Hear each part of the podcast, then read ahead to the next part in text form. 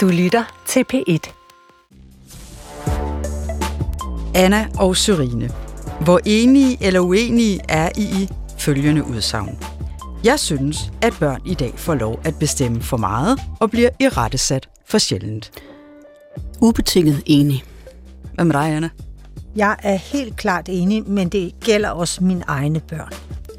En gang var det sådan, at børn skulle ses, men ikke høres. Sådan er det ikke længere. For nylig fortalte en mor i Berlingske, at hendes toårige søn hverken behøvede at smage på maden eller sige tak, når han fik en gave. Han behøvede heller ikke at deltage i fødselsdagsfester, hvis ikke han følte for det. For han havde ret til at være nøjagtig som han var, og det var vigtigt for hende, at han følte sig ligeværdig og jævnbyrdig med sine forældre. Og det med ligeværdigheden er jeg sådan set med på, men jeg er ikke helt med på jævnbyrdigheden. Jeg mener nemlig, at forældre skal være autoriteter og ikke venner med deres børn. I dag skal vi se nærmere på børneopdragelse og på, hvorfor der udkommer så mange bøger, artikler, klummer og meningsmålinger om emnet. For nylig viste en meningsmåling, også for Berlingske, at op imod 70 procent mener, at forældre lader børn bestemme for meget, og at de opdrager dem for inkonsekvent og inkluderende. Jeg hedder anne Sofia Hermansen, og med mig her i studiet er to af de klogeste kvinder, jeg kender, nemlig udlandsredaktør Anna Libak og præst Sørine Godfredsen. Velkommen til jer. Mange tak. Tak. Vi kender hinanden i forvejen. Vi er venner, og når vi mødes, så diskuterer vi alt mellem himmel og jord. Nu undersøger vi vores øh, tidsånd, og vi tager et kritisk og nysgerrigt blik på tendenser i vores samtid. Jeg er fast ordstyre, og i dag skal det især handle om opdragelse, og lidt også om, hvorvidt børn har ændret status fra en gang bare at være en videreførelse af slægten og en arbejdskraft, til i dag at være et identitetsprojekt, og måske også et statusobjekt. Velkommen til Damerne Først. Men før vi skal til vores hovedemne, så vil jeg høre, hvad det er, der optager jer for tiden. Hvad siger du, Sørine? Hvad har du været optaget af? Jeg er optaget af den bog, der hedder Pax, Krig og Fred i Roms guldalder. Og den er skrevet af den engelske historiker Tom Holland, som er en af de her nutidens intellektuelle, der synes sådan at kunne rumme hele verdenshistorien i en hjerne, og så overskudsagtigt fortælle os andre, hvad det hele handler om. Han udgav i 2020 den bog, der hedder Herredømmet om kristendommens betydning, og nu har han så udgivet den her om Romeriet, som jo var den her ufattelige konstruktion med infrastruktur og krigsførsel på højt niveau og en slags civilisation, vi, vi nogle gange så næsten øh, glemmer dybden af. Og så bliver man jo virkelig fascineret af de her kejsere. Altså, de var jo de mest vilde personer. Og jeg blev særligt fascineret af Nero, som herskede fra 54 til 68 efter Kristus, og som jo følte sig som sådan beslægtet med guderne. Og noget af det, han gjorde, som jeg stussede over, udover alle de vilde ting, han øvrigt gjorde, det var, at han efter at have mistet sin smukke kone, fandt en ung mand, som han så ville have til at ligne hende så meget som muligt, og fik simpelthen opereret ham om, så han blev til kvinde, som man nu kunne gøre det dengang. Øh, hvilket jo i dag kan forekomme fuldstændig barbarisk og voldsomt, men man behøver ikke at tænke ret længe over det for at konstatere, at vi gør noget i dag, der minder om. Så der er også nogle tråde til de her ekscentriske personer, som vi måske er vant til at sætte i en kategori af noget, der er overstået, og så pludselig kan man se, at nogle tidløse, mærkelige menneskelige tendenser går videre. Og det handler den her bog også om. Jeg er meget begejstret, jeg anbefaler den kraftigt. Du har læst den. Du har læst Tom Holland, ikke Anna? Jo, det har jeg. Jeg har også haft fornøjelsen af at øh, interviewe ham på Himmelske Fredsdag om hans øh, store værk om kristendommen. Og, øh, og nu har jeg så også læst Pax Romana. Og jeg tror, at Tom Hollands pointe er, at vi har vanskeligt ved at forstå romerne, fordi de i virkeligheden havde nogle helt andre værdier end os. Og det er jo lidt morsomt i betragtning af, at alle folk går rundt og drager på, øh, på eller øh, paralleller til, øh, til, til romeriet i tid og i utid. Hans pointe er, at det kan man ikke overhovedet. Men jeg kan høre, at I er meget optaget af romeriet og romeriets fald. Det er jo os selv. Jeg så øh, for ikke så lang tid siden, at det ellers overvejende skulle være sådan en, en mandeting, at øh, man har lavet en undersøgelse, der viser, at mænd flere gange ugentligt tænker på romeriet. Det gør jeg da også. Jeg læste for nylig også Mary Beards øh, gennemgang af kejserne, og en af hendes pointer var, at øh, noget af det, der var allermest uhyggeligt ved dem, det var ikke kun, at de var bestialske, men også deres måde at omvende alle normer på. Når de var inde i landet, ville de kun have fisk ude fra havet. Kvinder skulle være mænd. Altså, dag skulle være nat, og så videre. Og det egentlig var den måde, som også, altså, der, de relativerede deres undersåtters virkelighedsforståelse. Det, som man nok i dag vil kalde for en massiv gang gaslighting. Turine, Ja, rigtigt. Og, og, og jeg synes også, der er en, der er selvfølgelig også den interessante vinkel på det, at det jo er en tid før kristendommen. Så det er simpelthen andre værdier, der gælder. Der er flere guder. Menneskene kommunikerer med guderne på en anden måde. Og de mennesker, der virkelig får magt, eller fik magt, var jo sådan en slags øh, i ledtog med guderne, på en måde, som vi jo slet ikke kan forholde os til i dag. Så ja, ja det er ikke så mærkeligt, at man tænker på Romeriet, for det er jo en... Også flere gange en, om ugen? Nej, ikke mig. En gang imellem. Hvad med dig, Anna? Jamen, jeg tænker, øh, hvor mange gange i timen er det, mænd tænker øh, på sex? Når de så skal tænke lige så mange gange i timen på romeriet, så spekulerer jeg på, om de overhovedet øh, tænker på noget andet. Men øh, jeg tænker lejlighedsvis både på romeriet øh, og på andre byggelige ting. Hvad med dig, Anna? Hvad har du været optaget af i den forløb nu? Jeg har jo været i Istanbul, og i den forbindelse, der har jeg været i tyrkisk bad, hammam. Mm, og øh, det har jo også en forbindelse til romeriet, fordi øh, deres badstuer, termerne, blev jo utrolig øh, berømte, og det øh, importerede man så senere i Osmaneriet. Men jeg har aldrig været øh, i et rigtigt tyrkisk bad før. Og først så blev jeg lukket ind i et lille bitte øh, rum, hvor der var brændende hed damp, jeg havde svært ved simpelthen at få vejret, og jeg var ikke blevet oplyst om, hvor længe jeg skulle være der. Så øh, jeg gik en lille smule i panik, men så næsten som jeg var smeltet helt ned, så blev døren åbnet, og øh, bagefter så, fik, så blev jeg skrubbet. Jeg blev skrubbet igennem og, øh, og vasket af en, øh, en kvinde fra Indonesien. Og efterfølgende fik jeg massage af en kvinde fra Indonesien og en fra Eritrea. Og øh, det strakte sig hen over to timer. Og det, det fik mig til at tænke på, det var, at i den vestlige verden, tror jeg, det er min fornemmelse, at det er meget udbredt at gå til psykolog. Det er øh, bestemt rigtigt. Blandt øh, yngre mennesker. Det gør man ikke i Østen, tror jeg. Der gør man det i meget mindre grad. Der går man i badstue i stedet. Og øh, jeg tror, at, øh, at det burde også være en tradition her, eller det kunne vi med fordel importere, fordi det handler også om at få drevet dæmonerne ud. Det, at et andet menneske øh, rører ved dig og skrubber dig godt igennem og masserer dig, det, øh, jamen, man kommer lykkelig ud på den, på den anden side. Jeg lige til at spørge, du følte dig godt tilpas bagefter? Jeg følte mig virkelig, virkelig godt Som tilpas. genfødt? Jeg følte mig renset. det kan være, at vi tre vi skal på en udflugt til Haman på et tidspunkt. Det kunne jeg egentlig godt tænke mig. Jeg har den her uge været øh, ret smadret af corona, så jeg har fået set en masse Netflix. Blandt andet har jeg set dokumentaren om, hvordan øh, støttesangen We Are The World blev til. En enkelt nat tilbage i 85. Og øh, hvis man vil vide, hvem der dengang var noget ved musikken, så skal man virkelig se den her dokumentar, fordi der er Tina Turner, Bruce Springsteen, Michael Jackson, Bob Dylan, og så i Stevie Wonder var der også en hel masse. Og så stod der så, check your ego at the door. Det vil sige, efterlad dit ego ved døren. Og det tror jeg egentlig var ret smart, at øh, produceren satte det her skilt op, for tænk at få nogle af verdens største stjerner til at gå sammen om støttesang. Udover at jeg synes, det var et dejligt dyk ind i 80'erne og tilbage også i min egen ungdom, så stillede jeg også mig selv spørgsmålet, om man ville kunne lave et, en tilsvarende støttesang i dag. For eksempel en støttesang, hvor man samlede nogle af de største stjerner om at bekæmpe klimaforandringer, eller om Israel, øh, Hamas, for eksempel, som jo også er en ekstremt splittende dagsorden, hvor man kunne sige, at overlæggeren burde jo være fred. Det er det bare så langt fra, så enkelt. Hvad tænker I om det? Jeg har lige læst en artikel om det spørgsmål. Jeg tror ovenikøbet, det var i Weekendavisen. Om det ville være muligt, eller hvorfor der er så få støttesange i dag. Og en af forklaringerne var, at politiske sager er i dag så polariserende og betændte, at man vil simpelthen ikke forlade sig på, at vi mener det samme om dem, og kan blive enige om, hvad en god sag er.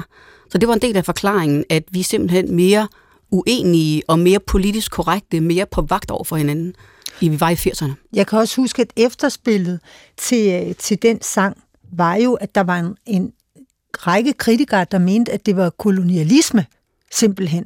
At, at den udtrykt et, øh, et, et nedvurderende ja. syn på den tredje verden. Og herhjemme, der havde vi jo Afrika, Afrika, det bliver bedre dag for dag. Hold da op, Anna. Kan I noget? Ja. I den grad husker, ja. jo. Og, øh, og, og den tror jeg heller ikke øh, vil, vil være mulig af, af samme grund. Så støttesangen må øh, ved mere eller mindre være fortid. Jeg kan bare anbefale at se den her dokumentar, ikke mindst også ved det min yndlingsøjeblikke, som er de sjoveste øjeblikke. Det er der, hvor Bob Dylan, han skal forsøge at falde ind i den her flok, og det viser sig, det kan han simpelthen ikke. Så Stevie Wonder, han må også lære ham, hvordan han selv vil synge den linje, som han skal synge i sangen. Stevie Wonder kan nemlig synge bedre end Bob Dylan som Bob Dylan selv. Og efterfølgende, så kopierer Bob Dylan så Stevie Wonders måde at synge Bob Dylan på, og så kommer det så ind i sangen. Men prøv en gang at se den her dokumentar, og se øh, ubekvemheden. I øvrigt så er det ret spøjst, at Madonna hun ikke var med. Men dengang, der havde man det sådan, det er hende eller Cindy Lauper. Okay. Mm-hmm. Altså nærmest formodning om, at når man inviterer os kvindelige superstjerner, så er det som om, man kan ikke have to, fordi det er jo bare nok med en kvindelig superstjerne. Nå, Anyways, vi skal videre til øh, vores hovedemne, som handler om opdragelse, og øh, vi begynder med en sag, som har optaget rigtig mange, nemlig overgrebssagen fra Borup Skole. Ifølge DR, TV2 og en række andre medier også, så er flere børn i alderen 6-11 blevet udsat for trusler, vold og seksuelle overgreb begået af en gruppe jævnaldrende børn på skolen. Og det skal desuden have stået på i flere år. Børnene går der stadig, også de børn, der har begået overgrebene, hvilket selvfølgelig har oprørt rigtig mange. Der aftegner sig et billede af en virkelig dårlig cocktail af både dårlig ledelse, berøringsangst, en sammenblanding også af offer-krænker-rollen, og så måske også, hvad der jo er vores emne i dag, en komplet opdra- mangel på opdragelse af de børn, der øh, kan finde på at opføre sig sådan her. Skal vi lige tage en runde på det? Altså, hvad tænker I om den sag? Jeg tænkte fra begyndelsen, at, øh, at det var helt slående, at begrebet opdragelse ikke på noget tidspunkt blev nævnt. Jeg synes, den har været pakket ind. Nu skal man selvfølgelig huske, at vi ved så lidt om den reelle substans, men den er pakket ind i en reformpædagogisk, inkluderende pædagogik-tone, som gør mig vanvittig. Fordi alle og give nogle eksempler på det. Alle, jamen det er jo det her med, for eksempel ham fra Køge Kommune, der forleden stod og blev interviewet, som blev ved med at cirkle rundt i ord som dialog og forståelse og tiltag, og, og selvfølgelig en underliggende strøm i hele hans talestrøm, der handler om, at de vil for alt i verden ikke erkende det nederlag, at der er nogle børn, de ikke kan styre, og de skal pinedød blive på den skole. Nu må vi se, hvad det ender med.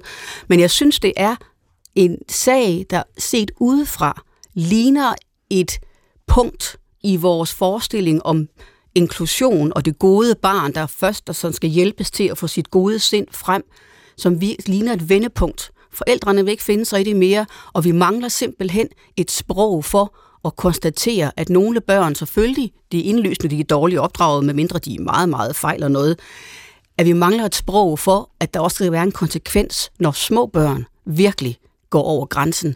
Så jeg synes, der er et element af det her, der tyder på, at vi er nået til et punkt, hvor det her bullshit-sprog kommer til kort. Hvad tænker du, Anne, om den her manglende konsekvens? Altså også af sammenblanding af roller med offer og krænker, og at det er som om, at de her børn, der har krænket andre børn, er jo også en slags offer, osv. Jamen, jeg er meget enig med Sorine. Jeg så egentlig i Kristi Dagblad fra en organisation, øh, der har med børn at gøre, citeret for, at vold og overgreb, det er et råb om hjælp.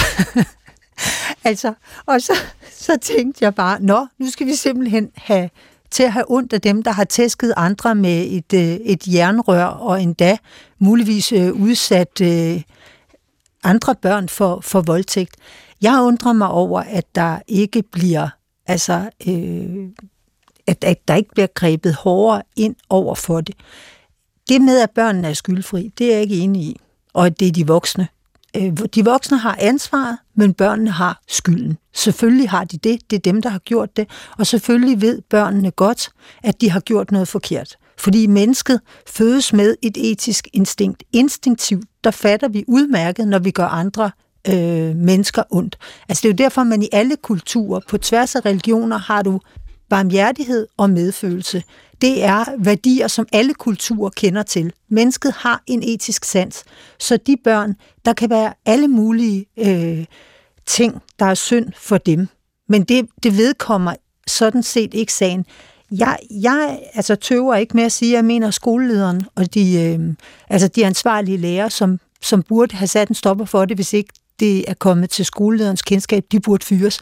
Man bliver simpelthen nødt til at statuere et eksempel, så lærere og ledelse over alt i landet på skolerne bliver opmærksom på, at det går sgu ikke. Jeg øh, hørte øh, p debat her i løbet af, af ugen, og en tidligere skoleleder for Rødmandsgade skole her i København på Nørrebro, nemlig Lise Elund. Hun øh, undrede sig over, at man ikke havde grebet ind noget før, og hun øh, har jo en overlang øh, erfaring også med at håndtere problematiske sager. Hun sagde, at da i sin tid, da hun var skoleleder, hvis man havde et barn, der opførte sig mildest talt dårligt og problematisk, så ringede de indbyrdes til hinanden. Så kunne hun ringe til en kollega fra en anden skole og spørge, om det var muligt, at barnet kunne gå der, i stedet for komme ud i nogle andre omgivelser, fordi man kan jo ikke altid sende børnene hjem til deres forældre, og der er jo også... Øh, men der er både skolepligt og undervisningspligt, og den, den diskussion skal vi ikke ud i, men det bedste vil jo være, at de kommer ind i nogle rammer, som er faste, og som folkeskolen gerne skal stå for.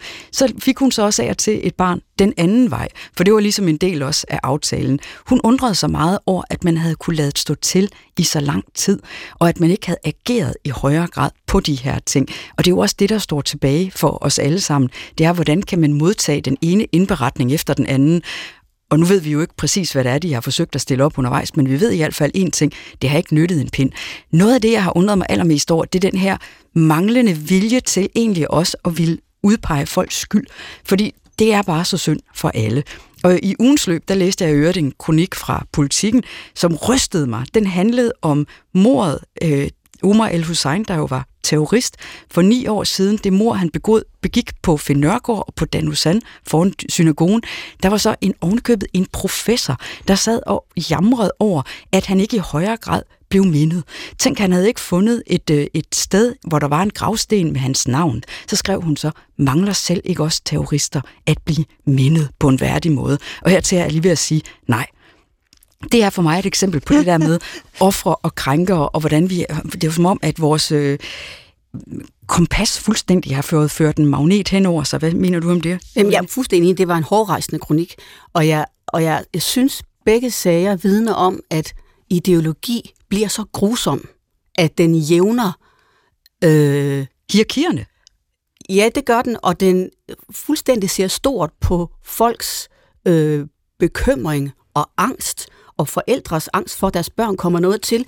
Det er som, og sådan er det jo med blinde ideologier, der vil postulere, at mennesket i virkeligheden inderst inde er godt, og hvis bare vi omklamrer det med forståelse, så vil vi gradvist også finde ud af, at vi alle sammen er gode. Det er jo meget det, den ideologi bunder i. Er bare noget John Lennon og en PH-vise. Ja, lige præcis, og en masse pædagogisk inklusion og forståelse. Og hvis man, jo mere man dyrker den ideologi, og det tror jeg, de gør på Borup skole, jeg tror, det er en ideologisk kerne, der ikke vil give sig. Det kunne det godt ligne udefra. Jo mere man dyrker det, jo mere nådesløst ved andre mennesker føle sig behandlet. Og når de forældre kommer ud fra et skolemøde med tårer i øjnene, så er det fordi, de har været op imod en betonmur af ideologi formentlig. Men det utrolige er jo også, at man så fra politisk side nu diskuterer, om man skal lave ny lovgivning. Ikke?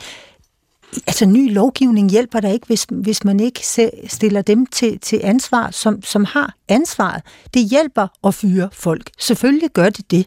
Altså det vil virke disciplinerende på andre skoler. Og, og hvis mærker det... jeg bare igen, en af de der kæpheste, det er, hvorfor kan man ikke også hyre og fyre i højere grad i folkeskolen? Undskyld, Anna. Jeg bliver lige revet Ja, men det skal have været pågået i tre år. Det er jo helt vildt. Men jeg er meget enig med begge to. Det her handler i høj grad om, at vi genopfinder et sprog for begrebets skyld.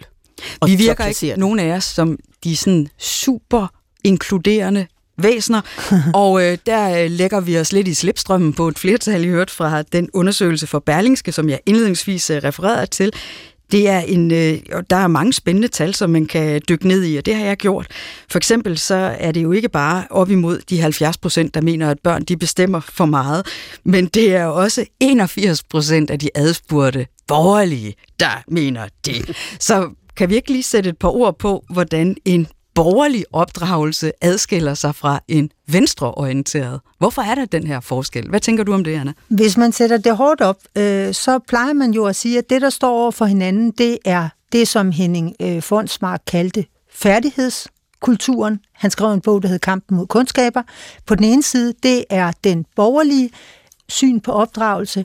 Øh, det er jo, at, øh, at barnet skal civiliseres og at det derfor skal bibringes noget udefra. Og herover overfor står så det venstreorienterede reformpædagogikken, som, øh, som man kan trække helt tilbage til Rousseau, der mener, at mennesket fødes fuldkomment og så kan ødelægges. Ødelægges af påvirkning. Det er det der med øh, den ædle vilde i naturtilstanden. Mennesket er frit og dog overalt i lænker. At, at derfor så skal man undgå at ødelægge barnet ved at fremme dets gode natur. Så det er jo to forskellige menneskesyn. Det er det ufuldstændige, jeg tør ikke at sige onde barn, men overfor det, det øh, gode og fuldstændige øh, barn, der står benhårdt over for hinanden. Helt enig, og så er der jo det i det også, at den borgerlige opdragelse har et meget fast blik ind i fortiden, og vil gerne forme barnet, så det kan så det kan ære og videreføre det, som vi allerede har. Så man ikke opfatter barnet som et suverænt individ, der nu skal forme sin egen virkelighed, men som et menneske, der dybest set skal bære det videre, andre allerede har øh, æret og fundet på og bragt videre. Og det er også det, der ligger i Annas begreb med, at barnet skal civiliseres. Ikke bare så vi får tæmmet det genstridige natur, men også så det kommer til at respektere det, der er gået forud. Og apropos, Anna, det du bruger som begreb med den ædle vilde, jeg kommer til at lade os gå dybere ind i det her vidunderlige interview, øh, også skal lave med en, en mor til toårig Louis, der som sagt øh, ikke behøvede at sige øh, tak, og han skulle ikke smage på maden, og hvis det var sådan, han ikke følte for at deltage i en fødselsdagsfest, så kunne han bare blive siddende, altså ude i klapstolen, altså med kalesjen rullet ned. Prøv lige at forestille jer Louis, når han på et tidspunkt tjekker ind på arbejdsmarkedet, og ikke rigtig føler for, at han orker med ind på arbejde. Han skulle bare være, som han nu engang gang er. Og hun sagde som sagt også, at det var meget vigtigt, at han følte sig ligeværdig med sine forældre. Hvad betyder det, når børn de heller, øh, eller nej, det er snarere, når forældre de heller vil være venner med deres børn, end de vil være autoriteter for dem? Det kan i hvert fald komme til at betyde, at Louis og andre kan blive et meget vemodigt menneske. Jeg synes, det er, øhm, det er ganske utroligt, at man som et voksent menneske med en eller anden grad af erfaring for, hvordan vi er skruet sammen som væsener, kan forestille sig, at det er trygt som et lille barn, der ved så lidt om livet og sig selv, og få den her endeløse frihed for ærerne. Fordi jeg kan huske selv, da jeg var lille, noget af det værste, jeg vidste, når jeg mødte en voksen, det var, at den voksne for eksempel sagde, det må du selv om. Hvad har du lyst til? Fordi man, man længes efter at få at vide, at der er nogen, der tager mig så alvorligt, at vedkommende vil bruge sin erfaring og forstand på at fortælle mig, hvad der er klogest for mig. Og blive overladt i sit eget selskab og sin lyst og sin drift, det er den lige vej til ensomhed.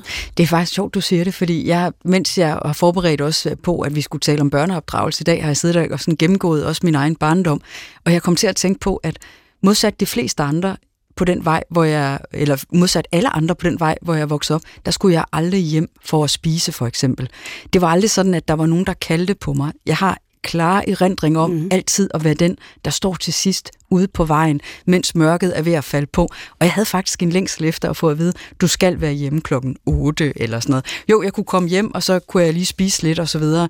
Altså, men det var også fordi, jeg synes, min opdragelse bare præg af, at vi sejlede altså vores egen sø i, i 80'erne.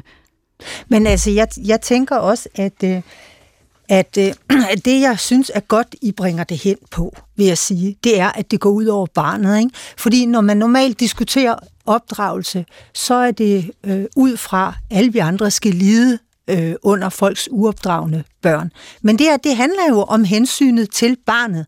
Der er sådan en amerikansk bestseller øh, forfatter, Daniel Pink, der har lavet en øh, motivationsteori. Hvad er det, der motiverer mennesker i tilværelsen. Og han udsondrer tre faktorer. Den første, det er autonomi. Det er det, at man føler, man er herre over sin tilværelse, eller i hvert fald har indflydelse øh, på det, der foregår, at man selv kan øh, påvirke det. Og øh, øh, den anden, det er øh, færdigheder. Det er det, at, at man lærer øh, noget og bliver dygtig til det. Og det er jo præcis det, vi ser i sådan nogle programmer som øh, Danmarks bedste portrætmaler, der viser sig at være en kæmpe stor succes, selvom det ikke er hele landet, der maler, ikke? eller i Vild med Dans. Det er det, at vi sidder simpelthen og nyder at se nogen blive dygtige til noget. Hvorfor ser vi så X-Factor? Ah, men det skal man ikke afskrive. Der er nogen, der kæmper for at blive dygtige øh, Jeg synes altså, jeg så det en fredag noterede mig, at de begyndte at sende dem ud, der var for dygtige. Men der er en tredje faktor, og det er formål. Det er, at man føler, at det, man foretager sig, har et formål. Og problemet med reformpædagogikken, det er, at den ikke rigtig levner mulighed for nogle af tingene. Altså øh, at, at øh, fastlægge et klart øh, formål og erhverve sig nogle øh, færdigheder. Man kan diskutere autonomi. Der er det jo, at du siger til børn, øh, du må selv bestemme alting. Men hvis de ikke ligesom kender øh, rammerne for tilværelsen, altså så, så kan det være svært. Der er også, jeg, jeg læste for nylig Alex Van Opslags bog Vejen til ansvar, og han giver et rigtig godt øh, eksempel, som, som øh, gjorde indtryk på mig. Øh, han henter det fra den slovenske øh, Zizek, hedder han. Slavoj Žižek, hvor at øh, en far gerne vil have sin søn med op og besøge bedstemoren. Og så i gamle dage, der vil man sige, det skal du bare. Drengen gider ikke. Du skal. Nu argumenterer man med barnets egne følelser. Her følte jeg mig selv ramt, fordi det her er også mig. Mm. Det er sådan her. Jamen, du elsker da din bedstemor. Det ved jeg da. Og du ved, hvor ked af det hun bliver, hvis ikke du tager med. Og Nej, du har simpelthen ikke sagt, det her det er pligt. Det er familiepligt, at Nej, vi også det har besøger. jeg ikke, og det burde jeg have gjort. Jeg følte mig simpelthen så ramt. Fordi det der jo er, det er, at, at hvor barnet, hvis der havde været en pligt, så kunne barnet gøre oprør mod det og så skumle. Men her er det hele barnets personlighed, der er til debat. Har du rigtige følelser, eller har du forkerte følelser? Er du en forkert person, eller er du en rigtig person? Ikke?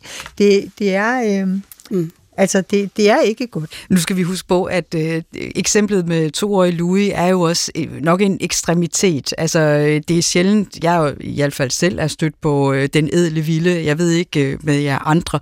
Vi kan godt støde på børn, vi synes er ulidelige, men det der, det synes jeg nu alligevel er det at tage det sådan til næste niveau. Det her med, altså, hvorfor autoriteten blev så uattraktiv. Altså, hvad er, hvad er syn på det?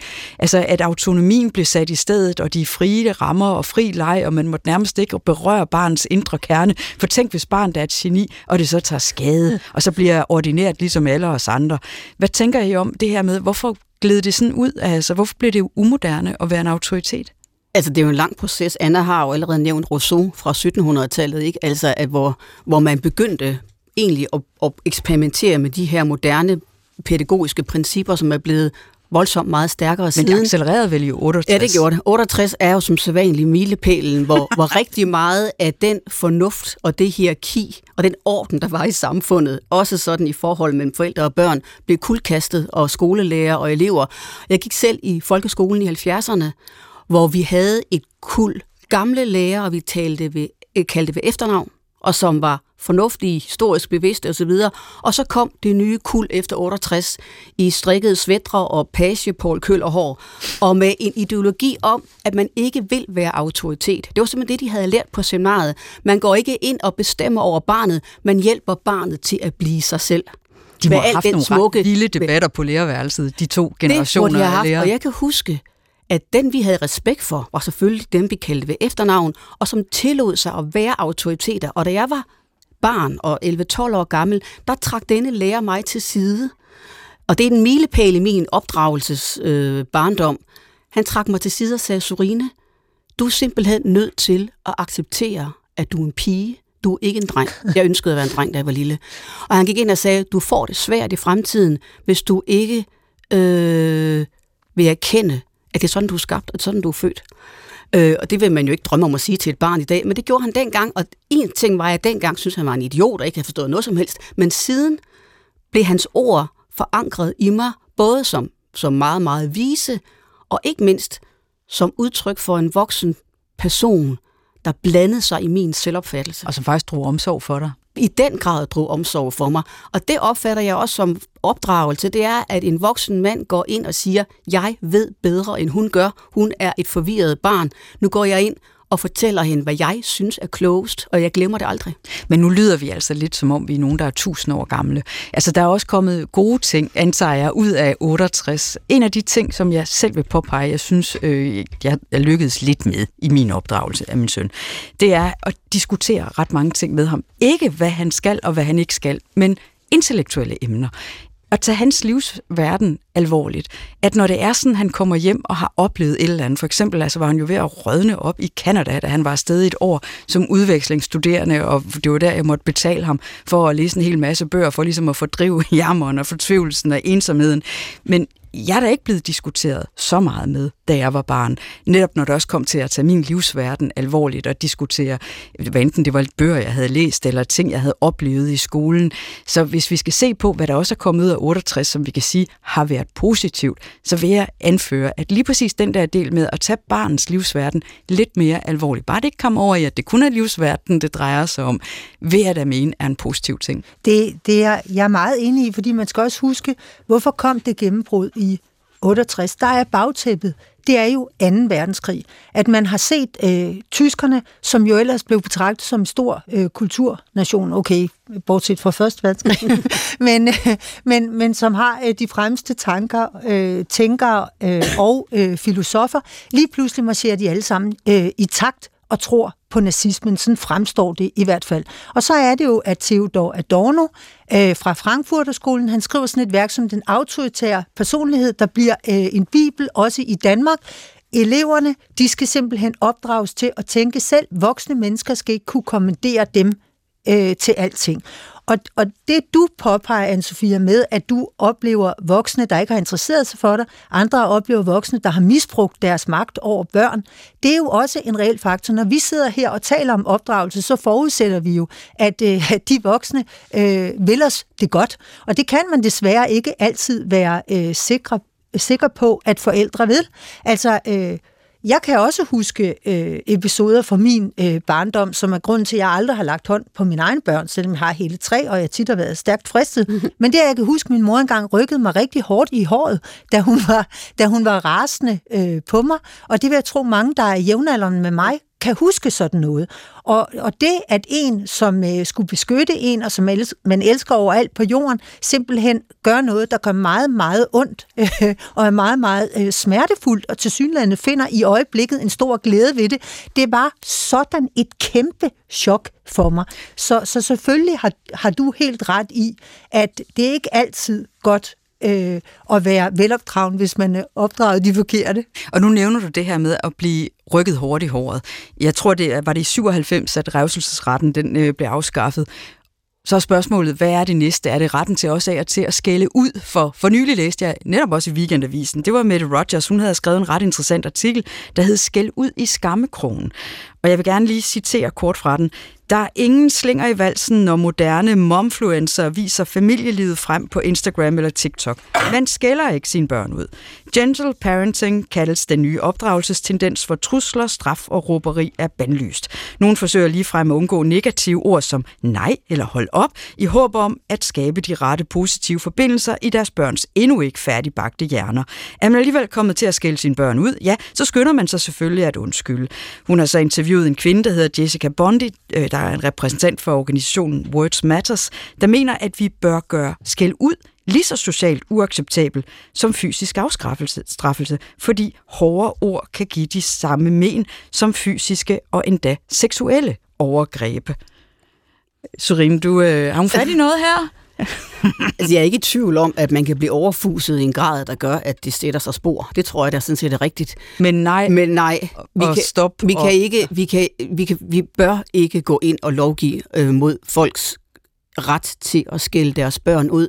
Og noget af det, som vi skal huske, som også har at gøre med det her for skæld ud, det er jo, at mange har en forestilling om, at det er usundt at skamme sig.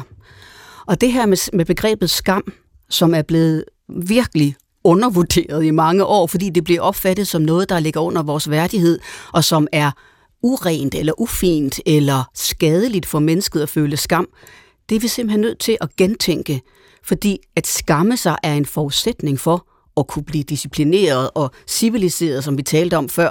Og skamfølelsen er det, som i høj grad også adskiller os fra dyrene, at føle skam og tage det til sig, det man har gjort forkert – skulle man meget, meget, meget nøde begynde at lovgive imod, fordi det er en forudsætning for at blive et voksen menneske, at man kan føle skam og skyld for den sags skyld. Øhm, begrebet skyldighed er også vigtigt her. Så, så jeg tror nok, at både det vil være ganske vanvittigt at begynde at gå ind og blande sig i, hvordan folk taler til deres børn, men også, at vi nok overvurderer, det har man jo også talt om, nu talte Anna før om, om den her øh, epoke, hvor vi går meget til psykolog, at vi jo også taler om, eller er blevet belært om, at jeg er i dag et produkt af min farmor. Så det, som de sagde, gjorde, udsatte mig for, har formet min personlighed, hvilket formentlig er temmelig overdrevet, overdimensioneret, fordi man også kan have den overbevisning, som jeg har, at mennesket har en personlighed fra fødslen, som også er, har noget med arv at gøre, og at vi må ikke blive oversensitive i vores forestilling om, hvad forældre gør ved deres børn.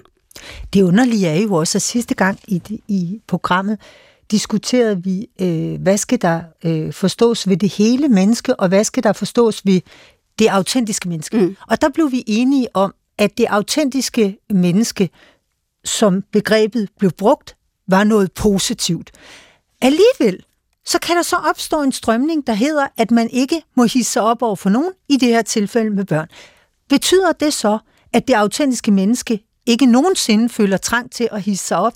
Det er jo helt grotesk. Altså, ikke at, at måtte øh, hisse op på noget tidspunkt aldrig at hæve stemmen og skulle fremstå øh, virkelig velafbalanceret. Men det er, en det er jo altså et, et menneske, der har eller har paraderne op, ikke? Det, forleden, der kørte jeg i bus, og der foran mig, der sad en dame og kunne slet ikke øh, styre sin dreng. Og det var tydeligt, at hun var opsat på, at de øvrige passagerer i bussen ikke øh, skulle dømme hende ud som forældre. Altså hun beherskede sig i den grad overfor, nå, jamen vi skal snart af og tage det roligt, lille ven, selvom det her barn var helt hysterisk. Og der overvejede jeg faktisk, skal jeg rejse mig op og fritage hende byrden og skælde barnet ud? Hvad tror du, hvad tror du der var sket, hvis du havde gjort det? Nu skal jeg klare det. ja, for du har helt ret, Anne-Sophie, jeg gjorde det nemlig ikke, fordi det turde jeg ikke. Men må man egentlig opdrage på andres børn?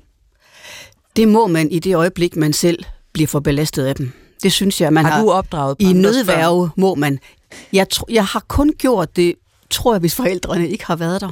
Altså hvis jeg har haft dem i min varetægt, og bestemt synes, at nu er det min rolle at træde til som voksen, og også at tage det på mig, at jeg kan komme til at sige og gøre noget nu, som forældrene er uenige i. Jeg synes, at samme øjeblik, man er involveret, og muligvis lider overlast gennem de her børn, så har man lov til at opdrage på dem. Også ens venners børn.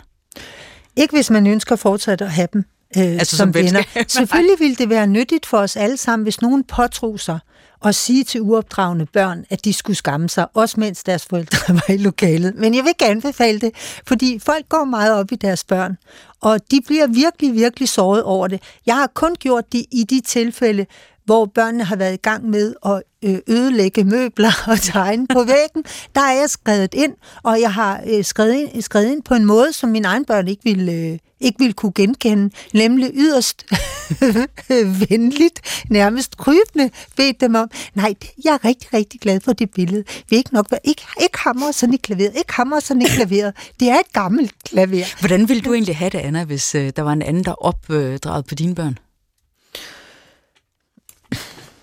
Det kommer an på, Sådan en vil jeg sige, fordi hvis de var, de var, nu, nu vil jeg gerne sige, at mine børn, de kunne ikke finde på at foretage sig noget, som ville kræve, at andre øh, skred ind. Altså det mener jeg egentlig helt øh, alvorligt. Det er klart, hvis de gjorde det, hvis de gav sig til at ødelægge ting, eller råbe højt, eller overfalde andre med et jernrør, eller voldtage dem i folkeskolen, som jeg kan forstå, at det sker nogle steder, ja, så vil jeg øh, sandelig da øh, sætte pris på, at andre greb ind. Hvis jeg havde børn, så ville jeg ønske, tror jeg, det er meget nemt at sige, når jeg ikke har det, men jeg vil ønske, at de børn i andre voksne mødte personer, som udgjorde autoriteter. Fordi jo flere steder man i løbet af sin opvækst møder den tryghed eller grænsesætning eller krav, det er at stå over for en, der har en holdning til, hvem man er, jo mere bliver man som lille individ i stand til at have noget at måle sig over for hele tiden. Det tror jeg simpelthen er så afgørende.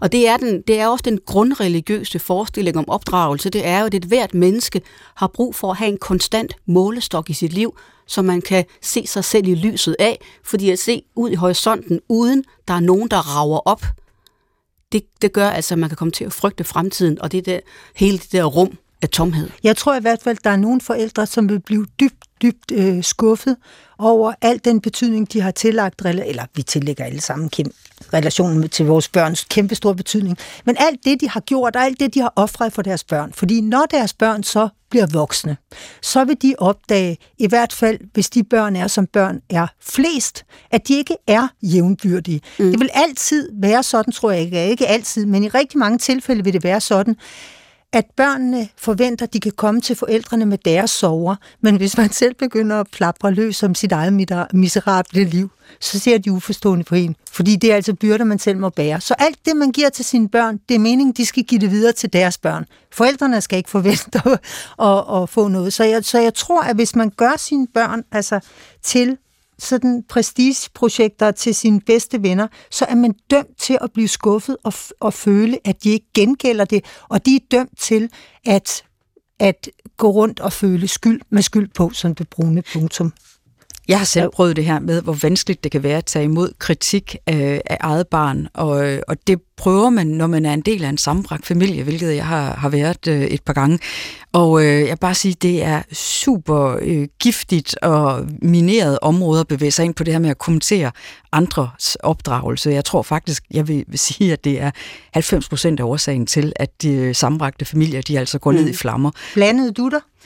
Jeg havde besluttet mig for, at jeg blandede mig på to områder, og det var, at øh, når børn de kom hjem, så skulle de øh, sige hej, så skulle de give sig til kende, at de var kommet, ligesom de også øh, skulle øh, sidde omkring bordet og spise sammen med alle os andre.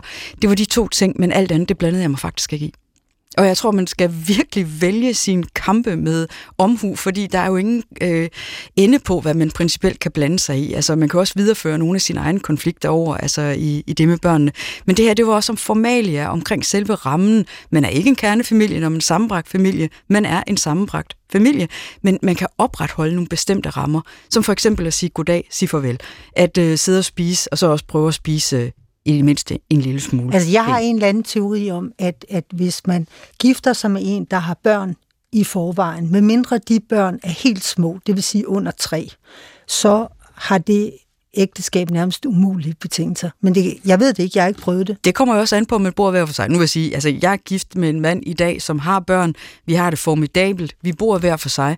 Og det, det gør vi altså også af pladshensyn, fordi jeg ikke vil være den, der bare flyttede ind i hans øh, lejlighed. Her kommer fars nye dame, og så måtte øh, hans døtre øh, flytte sammen på et værelse, fordi min søn skulle også have et rum. Altså, min kærlighed, nu er de også teenager alle sammen, og vi flytter sammen her til sommer, når øh, alle øh, teenager er flyttet hjemmefra, og så kan vi så ligesom få hinanden. Der må man også lide nogle afkald, når det er sådan, man har udsat sine børn for det, at man har ødelagt deres kernefamilie. Men jeg tror simpelthen, mit kærligste råd det vil være til alle, der sidder med en sammenbragt familie, hvad det til at lykkes. Prøv en gang at sætte børnene i første række. Lad lige dem være derhjemme, og så kan I så være der når, sammen, når børnene de for eksempel er over hos deres andre respektive forældre.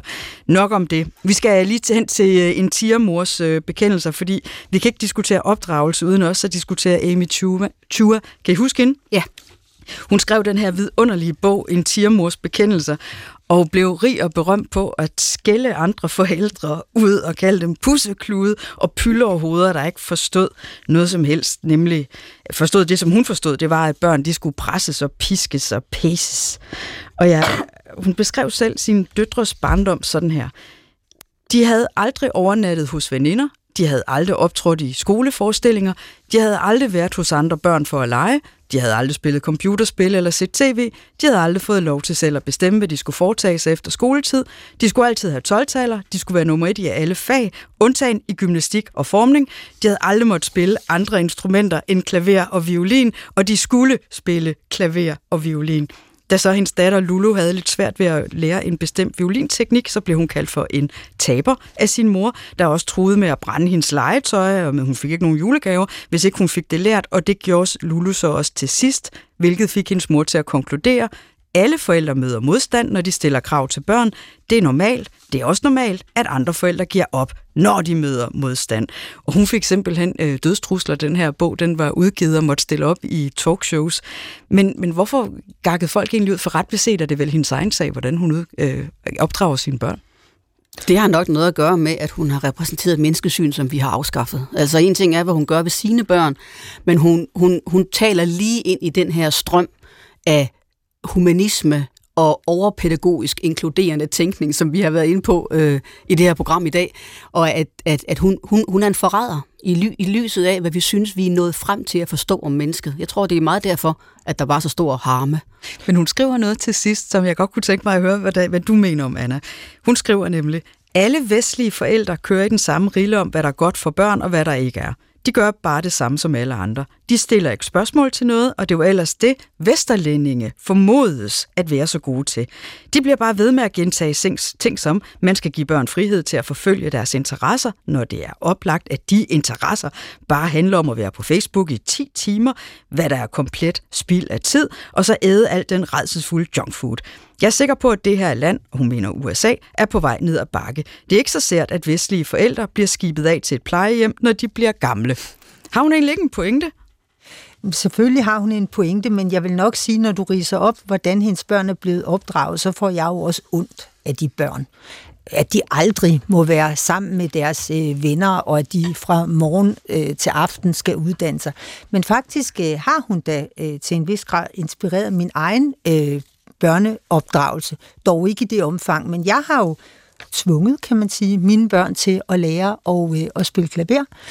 Og det, øh, det skyldes, at jeg opdagede øh, i min pure ungdom, jeg altid blev øh, forelsket i folk, der satte sig til at spille klaver ubesværet. Det er der mange kvinder, der gør. Nemlig, og det, jeg forstod også, det var farligt, men jeg tænkte også, det var en gave, jeg kunne bibringe mine børn, så en masse mennesker kunne forelske sig i dem. Så derfor, når de er fyldt syv, så har jeg, øh, jeg tvunget dem til at, øh, at spille en, øh, en halv time hver morgen, og øh, når de blev 10, så var det halvanden time om dagen, og de har vidst, at hvis de som 15-årige, der stoppede festen, sagde, jeg rører aldrig klaveret igen, jamen så var det den beslutning, øh, de tog. Og øh, de to ældste, de, øh, de holdt faktisk op et halvt år, og så begyndte de at spille igen, og min søn blev jo musiker og uddannet på, øh, på øh, konservatoriet. Og han har jo fået en dejlig kæreste. Han har fået en dejlig, han har han sikkert øh, sporet på den måde, men altså det jeg vil sige, som er synd ved den måde, øh, Vesterlændinge generelt de opdra- øh, opdrager deres øh, børn på, det er, at, at den øh, lærervillighed og den lærernemhed, som børn har, når de er øh, mindre, den bliver ikke udnyttet. Altså, man kommer aldrig til at lære så nemt og erhverve sig færdigheder, som mens man er lille. Den helt store pointe ved vores tiermor der, det er altså, Anna var inde på det tidligere, det er det der med at få færdigheder i sit liv. Så går hun over grænsen og har, har nok pint og pladet sine børn for meget, men man bliver simpelthen lykkelig af at kunne noget. Og det er ikke, noget, det er ikke uden grund, at Grundtvig han faktisk var meget imod terperi i skolen. Han ønskede ikke, at børn skulle terpes. Han altså skulle lære at øh, sidde og bøje øh, verber og, og, og lære latin og græsk og tysk alle sammen. Han mente, at langt de fleste mennesker vil få et stort selvværd og en at blive dannet i tilværelsen ved at lære at gøre noget med deres hænder og få en færdighed. Og det synes jeg virkelig er i sig selv en utrolig stor pointe, ikke at tage den gave fra børn, uden selvfølgelig at gå over og gevind og teste ind i dem. Ja, du lærte et aller sidste spørgsmål, ja. Et aller sidste spørgsmål, jeg gerne vil stille jer, det er... Øh, Årsagen til, at der udkommer alle de her forskningsartikler og bøger, og nu også endnu et radioprogram om opdragelse, øh, når det er sådan, at øh, altså, der er bare et eller andet underligt paradoks i det. Vi taler enormt meget om opdragelse, og når vi så kigger på statistikkerne, så ser det ud som om, børn har aldrig haft det så dårligt. Det er det, fordi de ikke er opdraget. Det, det hænger, jeg tror bestemt, det hænger sammen. Ordet opdragelse har jo været fuldstændig øh, afskaffet, næsten fordi det har været synonym med undertrykkelse og ikke accept af barnets smukke væsen osv. Ordet opdragelse har været kasseret i lang tid, og nu er vi nødt til at hente det tilbage, blandt andet fordi vi opdager, at børn og unge kan blive meget ked af det, hvis ikke de oplever, at der er nogen, der virkelig interesserer sig for, hvem de er, og sætter grænser for det, de er. Og når vi indledte den her snak i dag med at tale om, at øh, hvor vidunderligt det er som et barn at vide, en voksen forholder sig til din selvopfattelse, så er det indbegrebet opdragelse. Der er en, der mener, der har en holdning til, hvordan du udvikler dig. Jeg synes, det har været sjovt at iagtage i min levetid, at øh, de største børneopdragelsesguruer, det har været mænd, som John Halse, eller Per Schulz Jørgensen, eller Jesper Jul. Eller Grundtvig. Ja, men Sorine, Men jeg tid. kunne godt tænke mig at spørge dig, vil det sige noget om noget, hvis kvinder skrev de, øh, de mest toneangivende bøger om fodbold? Vil du så ikke blive lidt overrasket? Jo, jeg vil blive meget overrasket. Ja. Og, hvor, og hvad, hvad er din pointe? Er det, fordi Jamen, du min- mener, at opdragelse min over pointe- er et kvindeprojekt, eller hvad? Jeg, jeg har på fornemmelsen, at, øh, at mange af de mandlige forfattere, det kan godt være en, øh, en fordom, som øh, har teoretiseret om, hvordan man opdrager børn, de ikke nødvendigvis har så meget praktisk erfaring selv. Det kan du Det er faktisk en have god pointe, en og i. det blev den sidste pointe. For vi skal videre til ventilatorrunden, og det er den runde, hvor vi deler klip fra vores hverdag, og vi undersøger, at der selv i de små historier kan gemme sig store fortællinger om vores tid, og hvad det vil sige at være menneske, eller hvor vi bare får ventileret noget glædeligt eller deprimerende. I den her uge, der tror jeg mest, det er noget glædeligt. Og øh, jeg har bemærket, Sorine, at øh, vi har reflekteret over de samme ting. Lad os øh, prøve at høre en gang. Nå, nu bliver Anna glad. Jeg står ved den samme lavkagehuset ved Carlsberg station, hvor hun forleden dag stod og var ked af, at der ikke længere er musikanter på gaden. Det er der så igen. Anna, den her hilsen er til dig. Det er en gademusikant ved Nørreport station, som jeg lige har givet 20 kroner. Jeg tror også, han spiller nøjagtigt det samme, som han plejer. Og det der bliver vi simpelthen ikke enige om. Jeg synes ikke, det er særlig charmerende. Jeg synes, det larmer. Men nu er Anna glad. Og det er godt. Det er han sikkert også. Og for dem, der ikke ved, hvor saxofonen gik hen efter at have været et hit i 80'erne, kan jeg bare sige, gå forbi Nørreport station, så hører I saxofonen on beatbox. Ja, det skal jeg ellers love for. Nå, Anna, der er masser af musik.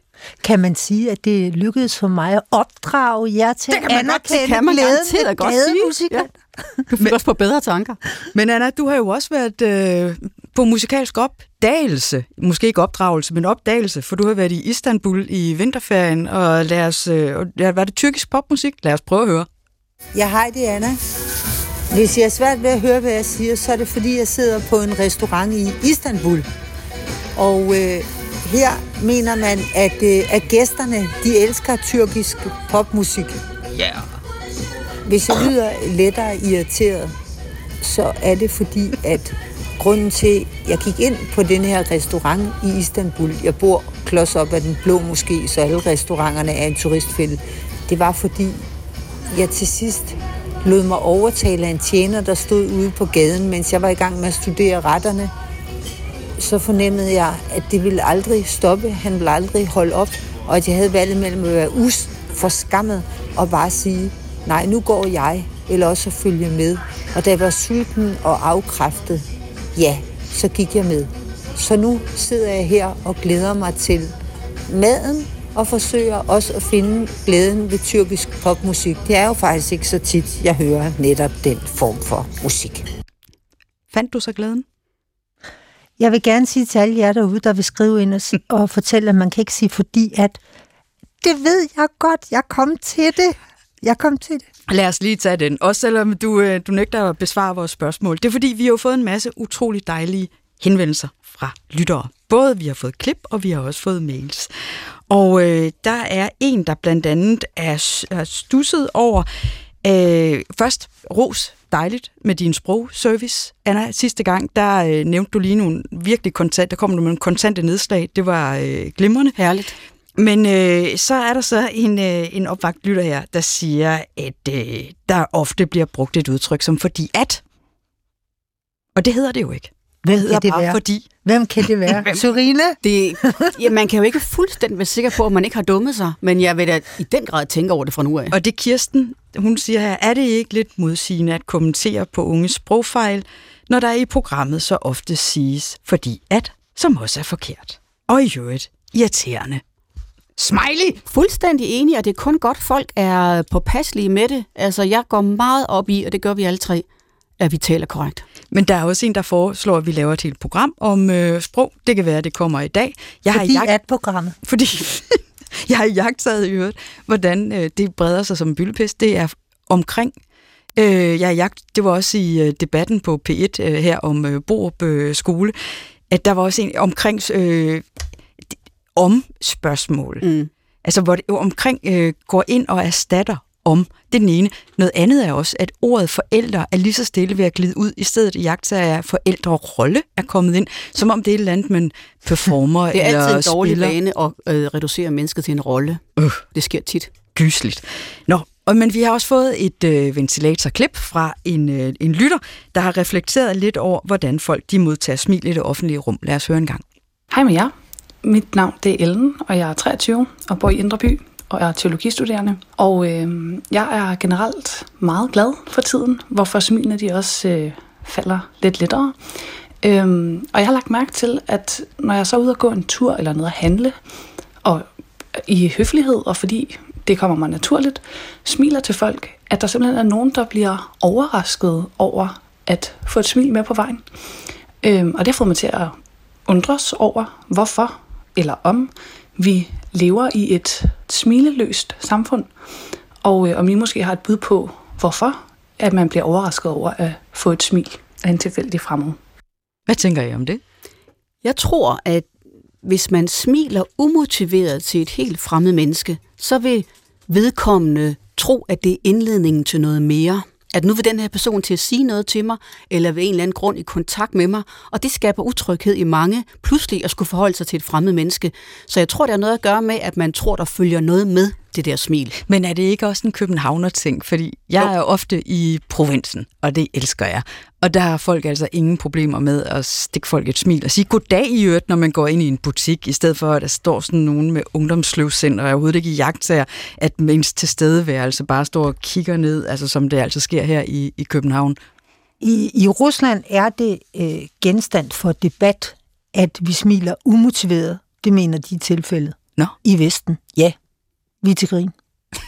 vi er ikke til at tage alvorligt, for hvorfor øh, grine uden anledning? Hvorfor smile uden anledning?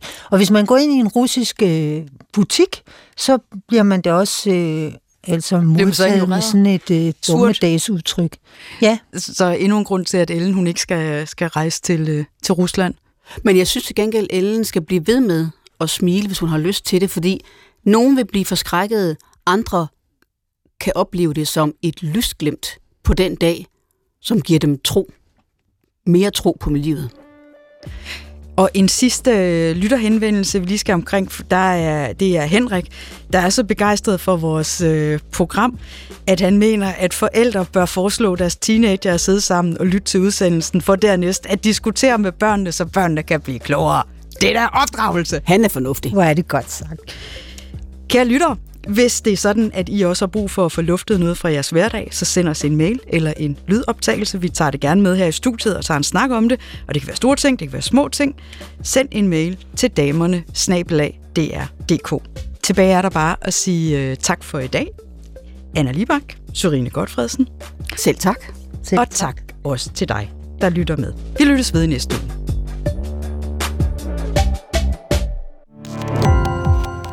Gå på opdagelse i alle DR's podcast og radioprogrammer. i appen DR Lyd.